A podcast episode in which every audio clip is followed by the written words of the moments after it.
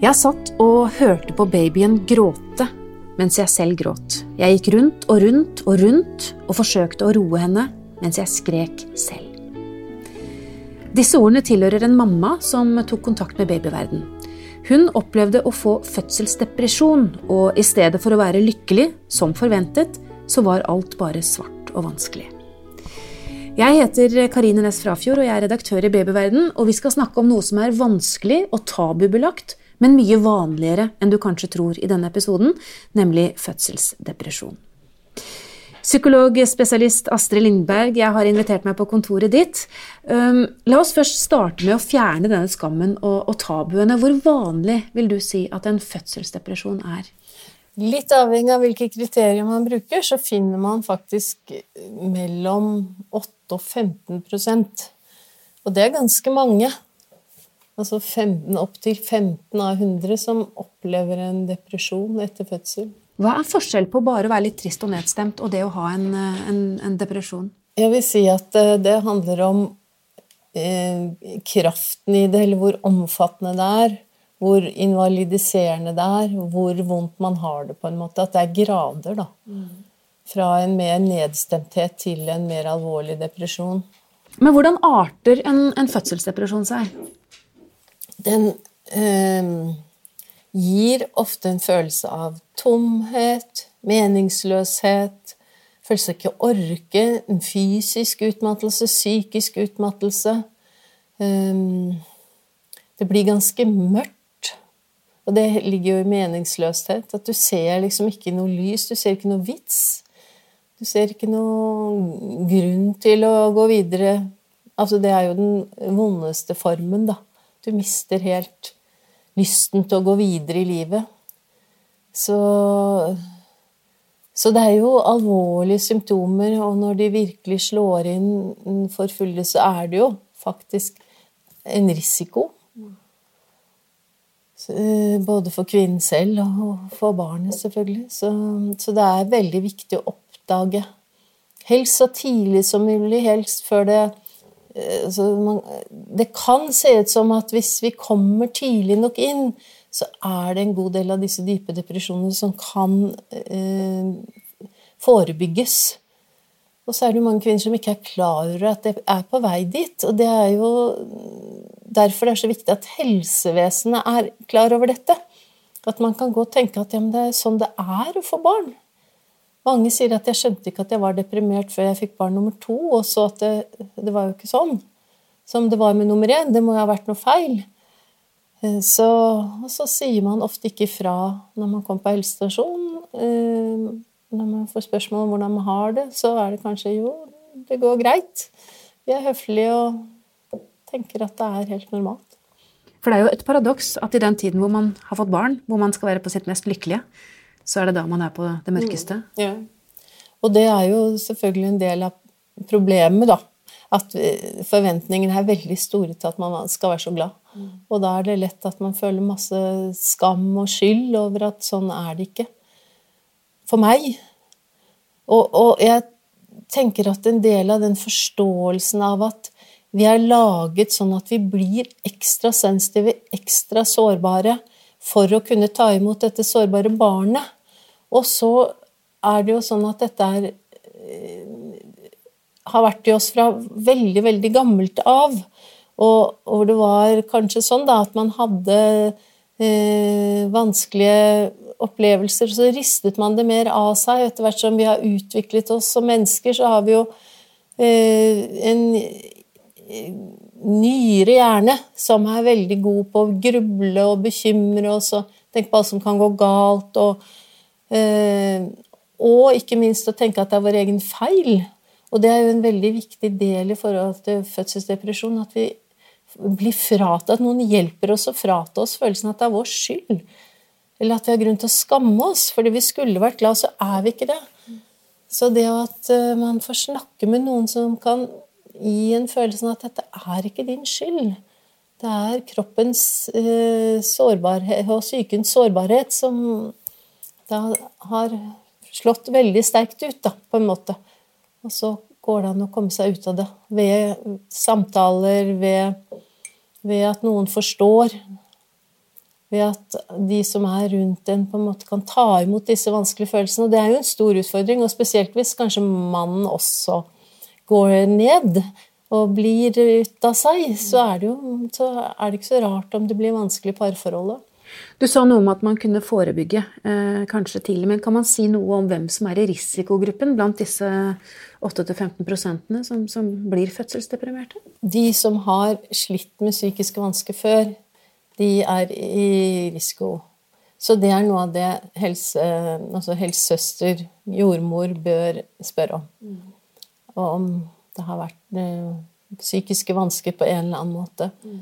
Da bør man jo få tilbud om på en eller annen måte å få hjelp. Mm.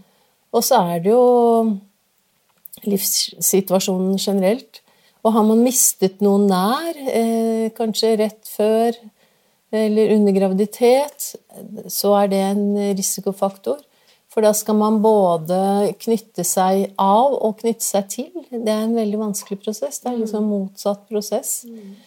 Så alt som skjer i livet, egentlig? Alt som skjer i livet. Og så ser det også ut som noen kvinner er ekstra sårbare for ikke å få sove. Det ser ikke ut som de nødvendigvis sover mindre, de som blir fødselsdeprimerte, men at det kan virke som de tåler dårlig, dårligere ikke å få sove. At de er mer på en måte eh, mobiliserte kroppslig. Da. Uro i kroppen. Mm. Definerer man fødselsdepresjon som en sykdom? Eller er det en altså, tilstand, eller? ja, det er jo et diskusjonsgrunnlag, for å si det sånn. Jeg vil ikke definere det som en sykdom, men det er klart at hvis depresjonen gjør deg fullstendig lammet, og, og at du ikke orker noen ting, så så kan man jo i hvert fall si at det er en så alvorlig tilstand at det trenger behandling.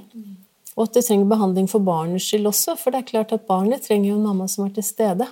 Så det er veldig viktig å komme inn, og også på grunn av det, da. Og hjelpe mammaen å komme tilbake til sitt vanlige jeg. Vi skal snakke mer om hvordan man skal få behandling og komme tilbake til sitt vanlige jeg, men aller først så tar vi en liten pause. Visste du at tidlig høytlesning, helt fra barnet er nyfødt, pangstarter språklæringen? Barn og babyer som blir lest for, utvikler språk og hjerne på en annen måte enn barn som ikke blir lest for. Godboken er bokklubben som tilbyr barnet ditt riktig bok til riktig tid, som engasjerer og bidrar til språkutviklingen.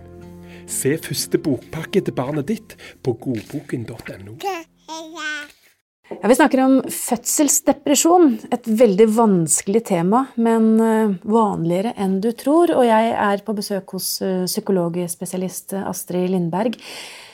Du sa jo at det er viktig å få behandling fordi eh, dette går jo også utover barnet. Og det mm. høres jo brutalt ut. Mm. Vi har jo hørt eh, historier om kvinner som har blitt så fortvilte og så mørke at de er redde for å skade sine mm. egne barn. Og mm. noen har kanskje også gjort det. Mm. De fleste gjør det ikke. Heldigvis. Heldigvis. Ja det, det, skjer en sjelden gang, men, men, for de fleste så er det en fantasi. Fordi man er så svart og mørk og tung og føler på sånn meningsløshet. Og, og, veldig mange som er deprimerte, har jo en tendens til å tenke at verden er et bedre sted uten dem. Og mm. det er jo en, en fare, selvfølgelig. Er man suicidal, eller er det mange som er suicidale også? Ja, det er jo noen som tar livet av seg også. Eh, under, Heller i denne fasen. Det er jo det. Heldigvis ikke så mange. De fleste klarer jo å, å, ta inn det at jeg kan ikke gå ut av verden, for jeg må være der for barnet mitt. Men, men noen gjør det jo. Og uansett så er det utrolig smertefullt å være deprimert. Det er, det er veldig, veldig vondt å være i den tilstanden. Så det er bare uhyre viktig at, vi, at de, disse kvinnene det handler om her, får hjelp men hva slags hjelp finnes, da? Det er sånn at veldig mange helsestasjoner har fått opplæring i å gi kvinner støttesamtaler. Og det betyr å snakke med kvinnen på en forståelsesfull og tilstedeværende måte om hvordan de har det. Og noen ganger så kan det jo også bety å sette inn noe praktisk hjelp. Noen kommuner har jo det. Vi har noe som heter Homestart, som, eh, hvor kvinner kan få en frivillig hjem til seg. Og grunnen til at dette kan hjelpe, er jo fordi at det relasjonelle er så viktig i denne perioden. Mer enn noen gang så trenger vi mennesker rundt oss. Hva gjør denne frivillige? Snakke med kvinnen, er sammen med kvinnen om barnet. Noen ganger kanskje ta barnet med ut og kjøre en tur, så kvinnen får hvile seg. Eh, sånne på en måte vennskapelige ting, da. Kanskje enkelt hvis man ikke har så stort nettverk, eh, familie langt borte? For er man alene, så er man mye mer utsatt for depresjon. Det, det er helt tydelig. Så, så, vi trenger mennesker rundt oss. Vi er jo, mennesker er jo laget for relasjon. Det er jo det aller, aller viktigste fra vi ja, mens vi er i magen nå, men ikke minst fra vi kommer ut, så er relasjonen det helt avgjørende.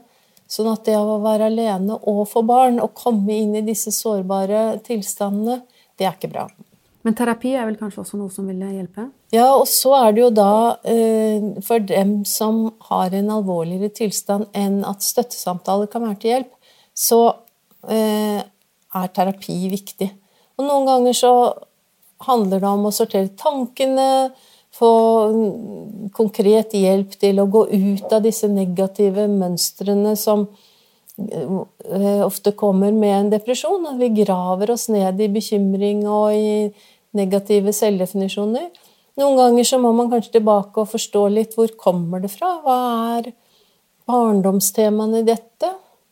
Og så kan man jo også komme til å trenge hjelp i forhold til å ivareta barnet.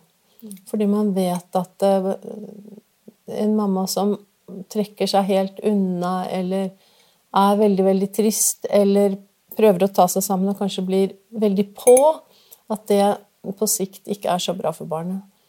Så at man kan trenge også hjelp av de nærmeste til å overta en stund. Kanskje pappaen må overta en stund. Sånn at eh, barnet får det det trenger, og mor kan få tid og rom til å komme seg. Hvordan opplever en kvinne det, å bli fratatt barnet sitt i en periode? Jeg tenker at det er viktig at hun ikke behøver å oppleve at hun blir fratatt det. Men at det blir en, en, forståelse av at her trengs litt mer enn mor orker. For ofte så er jo opplevelsen at hun ikke orker. Så det må jo være, mor må jo være med på den forståelsen, da. Og så er min erfaring at det er ganske tøft når kvinnen kommer tilbake igjen til å føle at nå er jeg klar for å være mor. Så kan det være en tøff side av det. At, at, det kommer en sorg over at hun faktisk ikke klarte å være til stede. Men eh, det som har vært min erfaring på, da, er at barnet veldig fort da, når barnet opplever at mor er tilbake liksom sånn psykisk Hun er jo der selvfølgelig fysisk som regel. Det er jo sjelden at det handler om plassering et annet sted. Som regel så handler det om at noen kommer inn og forsterker liksom i hjemmet. da. Så, men at barnet da fort er på igjen, og at uh, relasjonen kan komme i gang på en god måte. For hvis, ikke, hvis mor ikke får hjelp, så kan det jo trekke veldig langdrag. Både for henne selv og for barnet. Det er jo veldig smertefullt for begge to. Så samtaler og terapi, men hva med medisiner? Er det en løsning? Ja, noen ganger så må jo det til. Og så er, jo, er, det jo dessverre sånn at vi vet at noe av det kan gå i Eller det går jo selvfølgelig i, i kvinnens blod, og det går noe av det også i melken. Lite. Så har, eh, det er lite som går, i, som går, inn i barnet, det vet vi, men vi vet ikke så veldig mye om langtidseffekter. Vi vet at noen eh, medikamenter er bedre enn andre, så det må man diskutere i tilfelle med en psykiater. Så kan man jo tenke seg at en mamma som da er så deprimert, at det er bedre at hun får medikamentell hjelp noen ganger, enn at hun, enn at hun blir gående i depresjonen, da, selv om kanskje noe av det går i morsmelken. Men jeg tenker at det alltid så bør man da gi medikamenter sammen med terapi. At det er etter min mening veldig feil å bare gi medisiner og så la kvinnen klare seg selv. på en måte. Det må i hvert fall en terapi til, og man må se liksom, om det er mulig å og seponere medisinene etter hvert, som kvinnen får mer tak i seg selv og mer ståsted i seg selv. Hvordan tenker du i forhold til det å få flere barn, da? Hvis man har vært utsatt for fødselsdepresjon én gang? Er det en fare for at det gjentar seg med nye barn? Nye ja, graviditeter? Det er jo en fare for det. Men det som er viktig da, er jo at eh, det jobbes forebyggende. Støtte. Um, Samtale kanskje allerede under graviditet, tilrettelegging av fødsel, passe på at kvinnen får sove nok. Um, Hjelp med ammingen. Eh, sånn at det blir minst mulig belastninger. For det er helt klart, altså selv om man kan tenke at det kan være mm, genetiske ting også rundt dette med depresjon, så er det helt tydelig, så langt jeg kan se, at det handler mye om at det blir utløst av store belastninger, stress, ensomhet. Så det å legge til rette for er jo det som kan hindre at det gjentar seg. Og hvis det kjennes som nå kommer du tilbake, at man da raskt får noen å snakke med. Og hjelp til å sortere og forstå og være i det på en måte som ikke blir overveldende, da. Startet jo denne episoden med et sitat av en kvinne som var nybakt mor, og, og som beskrev at hun skrek selv mens barnet skrek, for at det, det var så vanskelig. Det var så mørkt. Er det lys for de som føler det sånn? Er det håp der framme om at eh, det blir bra? Ja, absolutt så er det det. Og det ser jo ut som om hjelp faktisk virker. Og nettopp fordi at dette er en sårbar fase, så er det jo sånn også at hjelp kan bli mer effektiv fordi at det som er vanskelig, kommer opp på en annen måte. Sånn at eh, terapi i denne fasen tenker jeg er veldig konstruktivt. Fordi det allerede er oppe, på en måte. Det er vanskelig. Og man er ikke alene. Dette er et problem som er vanligere enn man tror. Veldig vanlig. Og etter hvert så er det masse kunnskap om det, så det, det skal være folk der ute som kan forstå og hjelpe. Og hvis ikke er det, så er mitt råd hvis du ikke føler deg forstått av din helsesøster, av de nærmeste, av fastlegen, så gå videre og ikke gi opp og få noen til å forstå, og se hvordan du har det. Det var gode råd. Takk skal du ha, psykologspesialist Astrid Lindberg. Hvis du lurer på mer om dette temaet, finner du mange artikler på babyverden.no og diskusjoner med andre foreldre i Babyverdens forum. Hvis du ikke allerede har lastet ned appen vår Gravid og barn, så anbefaler jeg deg å gjøre det med en gang. Så kan du følge utviklingen til barnet ditt tett, dag for dag, uke for uke. Hvis du er opptatt av graviditet og barn, så kan det også være lurt å abonnere på Babyverdens podkast. Send gjerne kommentarer til oss på e-post. Adressen er podkast at babyverden.no. Men husk at vi som lager denne podkasten, er journalister og ikke helsepersonell, så hvis du har medisinske spørsmål, må du ta kontakt med jordmor eller fastlegen din. Ha det bra.